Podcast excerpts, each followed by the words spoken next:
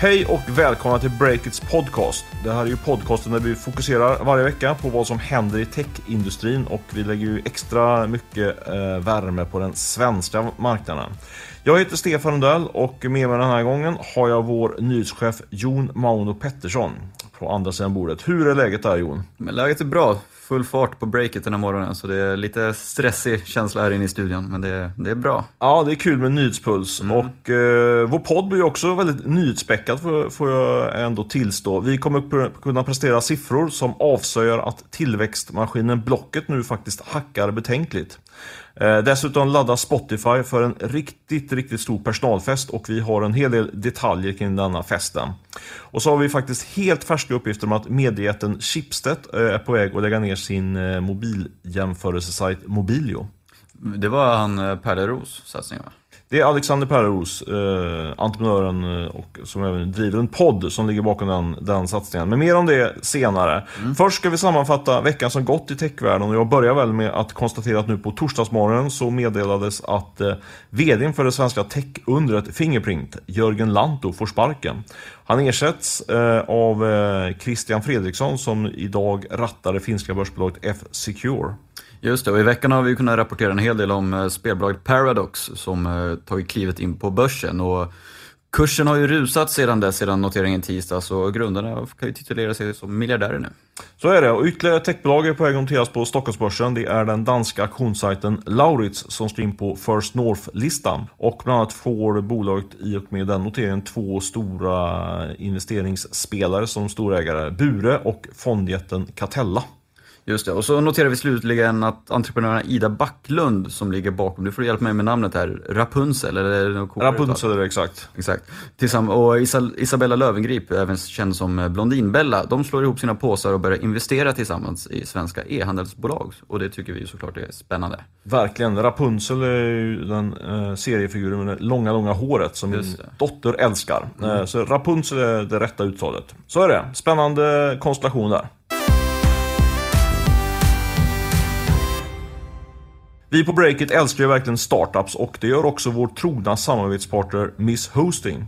Och för att manifestera denna kärlek har Miss Hosting nu tagit fram ett riktigt vasst erbjudande som är specialdesignat just för startups. Eller hur Jon? Ja, det stämmer. Miss Hosting har gjort eh, två olika paket. En lösning med webbhotell och en lösning VPS som är Virtual Private Server. Yes, och det fina med Miss Hostings två startup-paket är att det faktiskt kan bli helt gratis för dig som driver en, en eh, startup. Det enda du behöver göra för att få någon av de här två tjänsterna helt gratis under ett år är att gå in på Miss Hostings specialsajt och beskriva din affärsidé. Yes, så ta chansen och ansök redan idag. Sajten har precis gått live. Det har den. Jag var inne igår kväll faktiskt och spanade in den och jag tycker verkligen ni ska ta denna möjligheten i, i beaktande. Eh, Jon, kan du inte dra webbadressen så att det blir tydligt vad folk ska surfa in på? Ja, jag tycker inte bokstavera men det är www.misshosting.se sponsra. Och där får man eh, ja, all info som behövs. Gör det, surfa in då. Adressen en gång till. Det är alltså www.misshosting.se sponsra. Det var tydligt. Med det tackar vi Miss Hosting. Tack Miss Hosting. Tack. Men Stefan, eh, som du nämnde inledningsvis, du har ju dragit fram lite spännande nyheter kring eh, mobiljämförelsesajten Mobilio. Vad, vad är det som har hänt? Ja, ska jag vara helt transparent så är det min kollega Johanna här som jobbar med den här nyheten. Hon har gjort mig, gett mig en liten uh, briefing precis innan vi gick in i poddstudion. Uh, det är så att våra icke, ännu så länge inte bekräftade uppgifter, men vi har bra källor på detta, uh, säger oss att Mobilio faktiskt är på väg att stänga ner sin verksamhet. Mm. Eh, Mobilio är ju en eh, jämförelsesajt för mobilabonnemang. Eh, Eh, tror jag. Jag är lite osäker nu, men jag är nästan hundra på att det är så. Eh, och eh, det är ju så väldigt färskt det här, så jag har inte hunnit göra någon omfattande research. Men vi har ju skrivit ner om Mobilio, eh, framförallt när, när Alexander Perleros, entreprenören, eh, körde det bolaget. Han sålde ju till eh, Schibsted, mediejätten här, för ett par månader sedan. Eh, så det kan ni läsa lite mer om eh, den affären. Men framförallt om eh, den här nedläggningen som är på väg. Väldigt spännande. Vi håller på att försöka reda ut just nu varför de tar det här ganska drastiska. Men du har ingen liksom, spekulation runt varför man köper Mobilio och lägger ner Mobilio? Nej, inte mer än att det möjligtvis att man skulle kunna integrera det med, med någon av sina övriga verksamheter. Chipset har ju en väldigt stor portfölj med, med spännande startups, så det är möjligt att de ser någon, någon form av synergi där. Men nej, egentligen det ärliga svaret är att jag vet inte. Men vi gräver vidare, så mm. håll utkik på på eh, Breakit här framöver. Vi rapporterar ju också, var vi först med avslöja, du var först med avslöja här nu på morgonen, en ny stor affär i uh, musiktech-industrin. Uh, det är bolaget X5 Music som köps upp av uh, jätten Warner. Berätta, ge oss lite detaljer kring den här affären. Ja, men det är en stor affär faktiskt, svenska musikindustrimått mätt. Eh, exakt hur stor affär det rör sig om har ingen velat gå ut som vanligt, men vad jag har fått höra i alla fall så är det någonstans runt 200 miljoners eh, kronors klassen då, eh, affären. Det är ett uppköp då, helt rakt av, där Warner Music köper upp X5 Music. Och jag vet inte hur insatt du är i X5 Music? Ja, inte alltså helt ärligt så kände jag knappt till dem, men, Nej, men skrivit om tidigare va? Vi kallar dem ett doldisbolag. Ja. Nej men det är så, de, för tio år sedan ungefär köpte de på sig en massa musikrättigheter, så digitala rättigheter, för de såg ju de såg ungefär vart eh, vindarna blåste så att säga, att digitalt skulle bli stort och så vidare. Men de har speciellt nischat in sig på smala genrer som klassisk musik och jazz och liknande.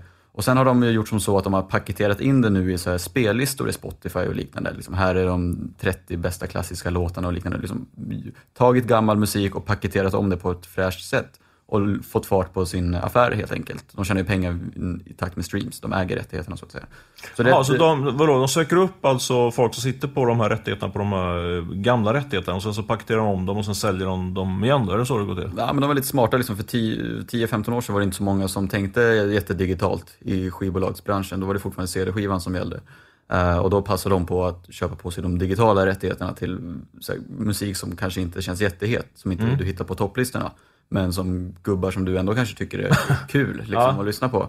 Och sen paketerar man om det först på iTunes, gjorde man liksom best of skivor, liksom här de bästa 30 jullåtarna och sen tog man massa gamla, ja vad det nu var.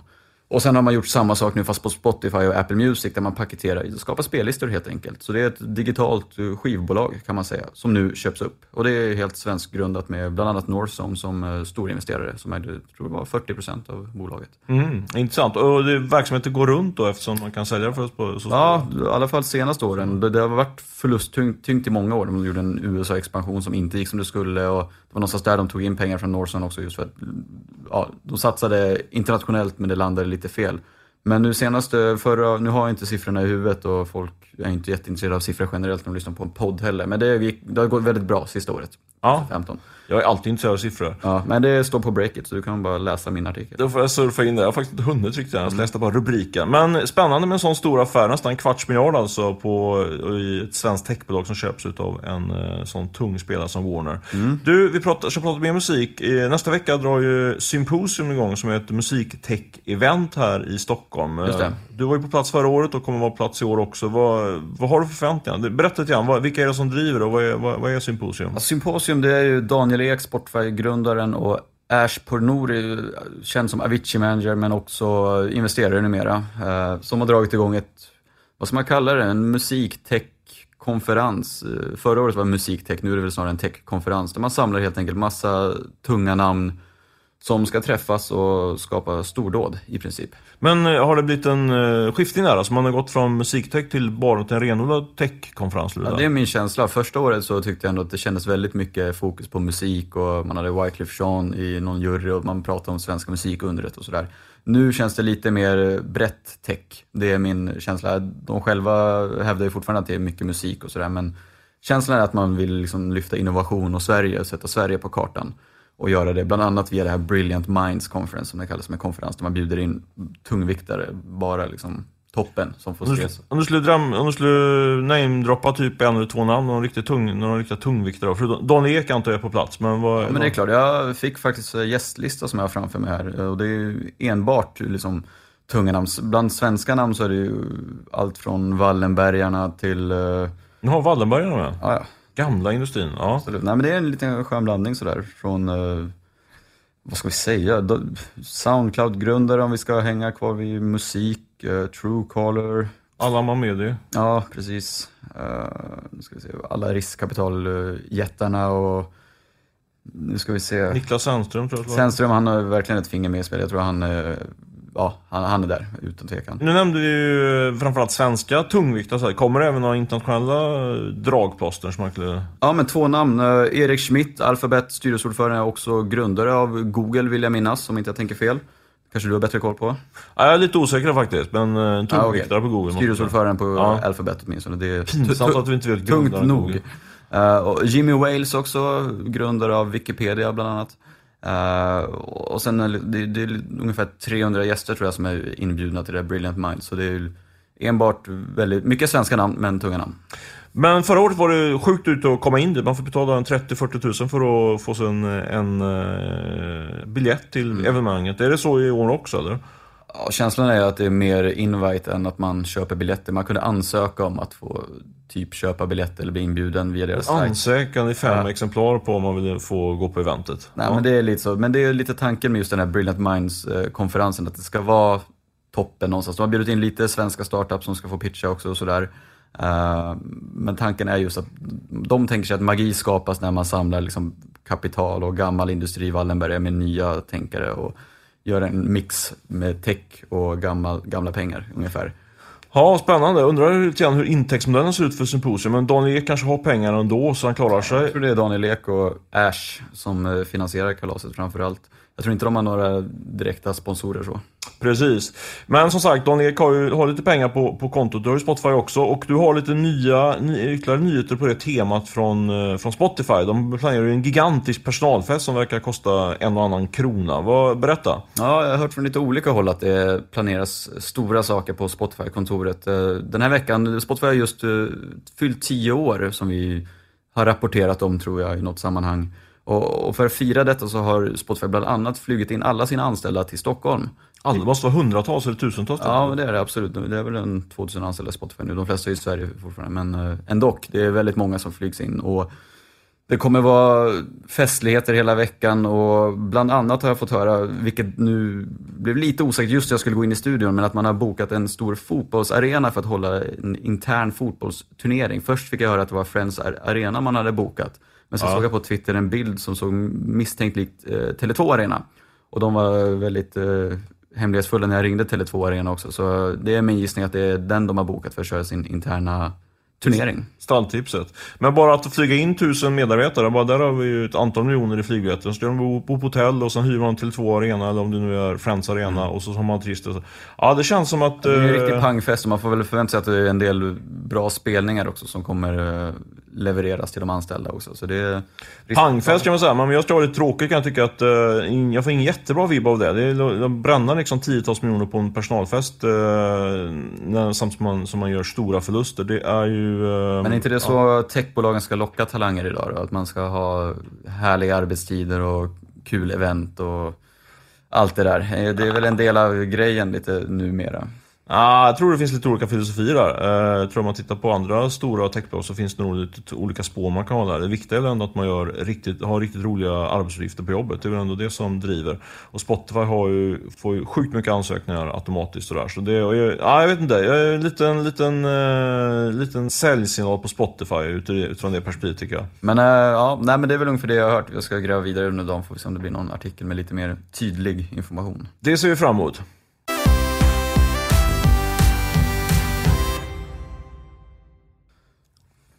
Sponsor denna vecka är också, vilket vi tycker är väldigt kul, Forefront Consulting, IT-bolaget som eh, hjälper andra företag med att anpassa sig till den digitala verkligheten.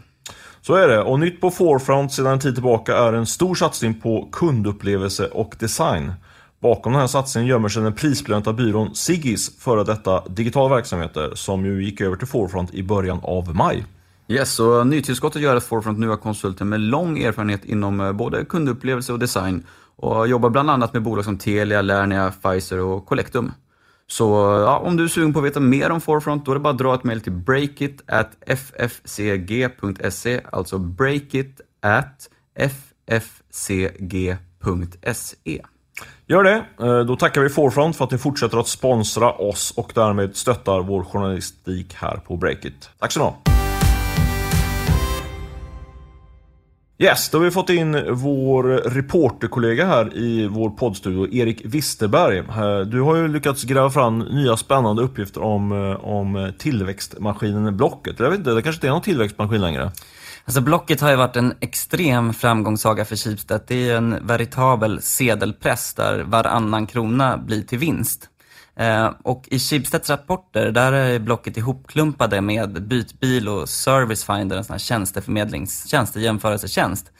Och eh, Blockets riktiga årsredovisning, alltså den som lämnas in till Bolagsverket, eh, blev precis godkänd. Och den visar en liten annan bild. Mm. Eh, tillväxten har faktiskt stannat av nästan helt, 2% bara 2015. Och det kan jämföras med tvåsiffriga tillväxttal de senaste åren. Och vad är förklaringen då till att, eh, till att eh, tillväxten i princip är flat nu liksom? Ja, man får backa bandet lite där. Alltså, Schibsted köpte ju Blocket för vad som nu verkar vara en spottstyver 2003 efter att Bonnier tackade nej. Eh, då lyckades man ju liksom ta hela den här radannonsaffären som tidningar har levt på och kapitalisera på den på nätet. Och sen har man växt och växt och lyckats suga upp liksom det man riskerar att förlora i print. Sen det är klart att det finns ett tak för den här marknaden. Hur mycket kan man växa? Eh, frågan är om Blocket har slagit i det taket. Sen finns det också nya konkurrenter, speciellt i mobilen, som är väldigt viktig. Vilka är det? Kan du namedroppa några av dem? Vilka måste du ha koll på? Jag eh, kan, inte, jag kan inte namedroppa dem så här rakt av faktiskt, men det har vi skrivit om tidigare på Breakit, så det är bara in och läs där. Eh. Men, men visst är det så att eh, Facebook också bygger upp den här typen av, av köp och säljfunktioner i sin, sitt nätverk, eller? Ja, det här är ju det mest intressanta och kanske den största ödesfrågan i det här. Det var ju hösten 2015 som det till synes av misstag läckte ut något som heter Facebook Local Markets som ser ut som en väldigt, väldigt uppstyrd köp och säljtjänst. Och eh, ett sätt för Facebook att ta de här 10 miljontals köp och säljgrupperna som redan finns, där folk säljer kattungar och, och, begagnade möbler helt gratis på Facebook och göra det till en riktigt vass tjänst eh, som kan brytas ner på lokal nivå.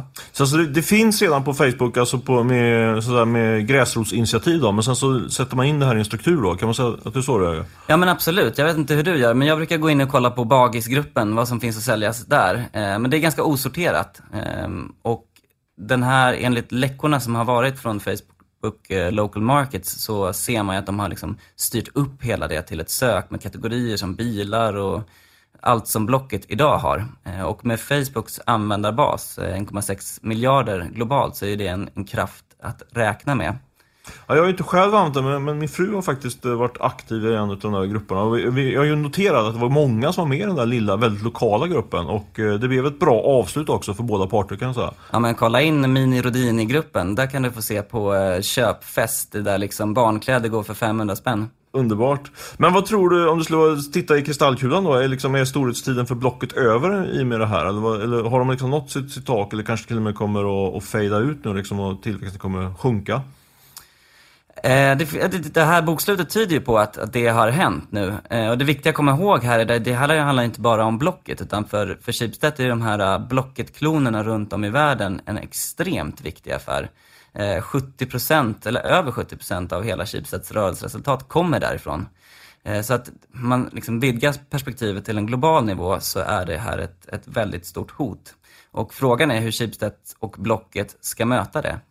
Du snackade med Blockets, var det svenska vd eller som... Ja precis, Jan ja. Prokopek. Just det, och vad, vad, vad var hans kommentar till, till här, den här hotbilden då som du målar upp? Han ville hellre peka på de liksom, officiella siffrorna som finns i Schibsteds stora bokslut där, där man visar en tillväxt på 12% under 2015. Men där ska man också notera att eh, i not så står det också att Service Finder räknades med i, i, det, eh, i det beloppet just från eh, första kvartalet 2015. Men eh, han ser väl att blockets styrka är effektiviteten. Eh, alltså att om du lägger upp någonting där och betalar för det så, så borgar det för en viss kvalitet i utbudet. Vilket i sin tur gör att ja, de grejerna som finns där är bättre eh, än de som finns på gratisvarianterna. Så att han såg inga moln på Blockets eh, himmel. Eh, I alla fall vill han inte säga det rakt ut. Intressant, det är väl lite hans jobb att säga det också. Men eh, vi får se vem som får rätt. Eh, eller vem det är som går vinnande ur den här striden. Det, men det känns lite grann som att eh, Blockets eh, fantastiska tillväxt i alla fall eh, i närtid har planat ut. Vi följer det eh, och även hur det går för Facebooks eh, Classified-satsning. Tack så du ha Erik. Tack, tack. Då har det blivit dags att eh, runda av det här avsnittet utav eh, Breakits podcast. Eh, vi ska först, innan vi stänger butiken, tacka Beppo ljudproduktion som spelade in via länk och klippte detta avsnitt. Vi ska väl också såklart uppmana er alla att gå in på Breakit och hålla er uppdaterade om det senaste nytt på i den digitala världen. Eller hur Jon? Det ska man göra. Absolut. Vi publicerar ju säkert, hur många artiklar är det om dagen egentligen? Tiotal? Ah, 20-tal så uppåt 20. Ja. Absolut. Lätt. Och eh, vi har... vinklar alltid lite hårt för det. Nej men det är nog, jag, Nej, men det är sant. Jag avrundning, eller avrundning uppåt hur jag brukar göra. Men, eh, och där ska vi också, vi, vi pratar inte så mycket om, vi håller ju på att dra igång någonting som vi kallar för eh, kapitaljakten. Just det. Eh, där jag framförallt eh, tillsammans med min medgrundare Olle jagar in eh, nya miljoner till verksamheten för att det ska kunna växa ännu mer. Det där skrev jag lite grann om i, för någon dag sedan här. Jag kommer att skriva ytterligare en artikel i detta ämne snart. Så vi, vi ligger lite lågt med det i podden. Så gå in på Breakit, det finns många orsaker till att gå in där ett antal gånger per dag. Hur går det egentligen då? Bara om det är en mening? Uh, ja, men det går, får man ändå säga, bättre än väntat. Det har varit stort intresse. Sen så är jag ju en liten tomte när det gäller att både pitcha och prata om den här typen av grejer. Men, men jag menar, vi levererar ganska bra, så det finns ett stort intresse måste man ändå säga. Mm, kul. Verkligen. Ha det så bra, så hörs vi nästa vecka och så syns vi på sajten under de kommande dagarna. Det gör vi. Hej då! Hej hej!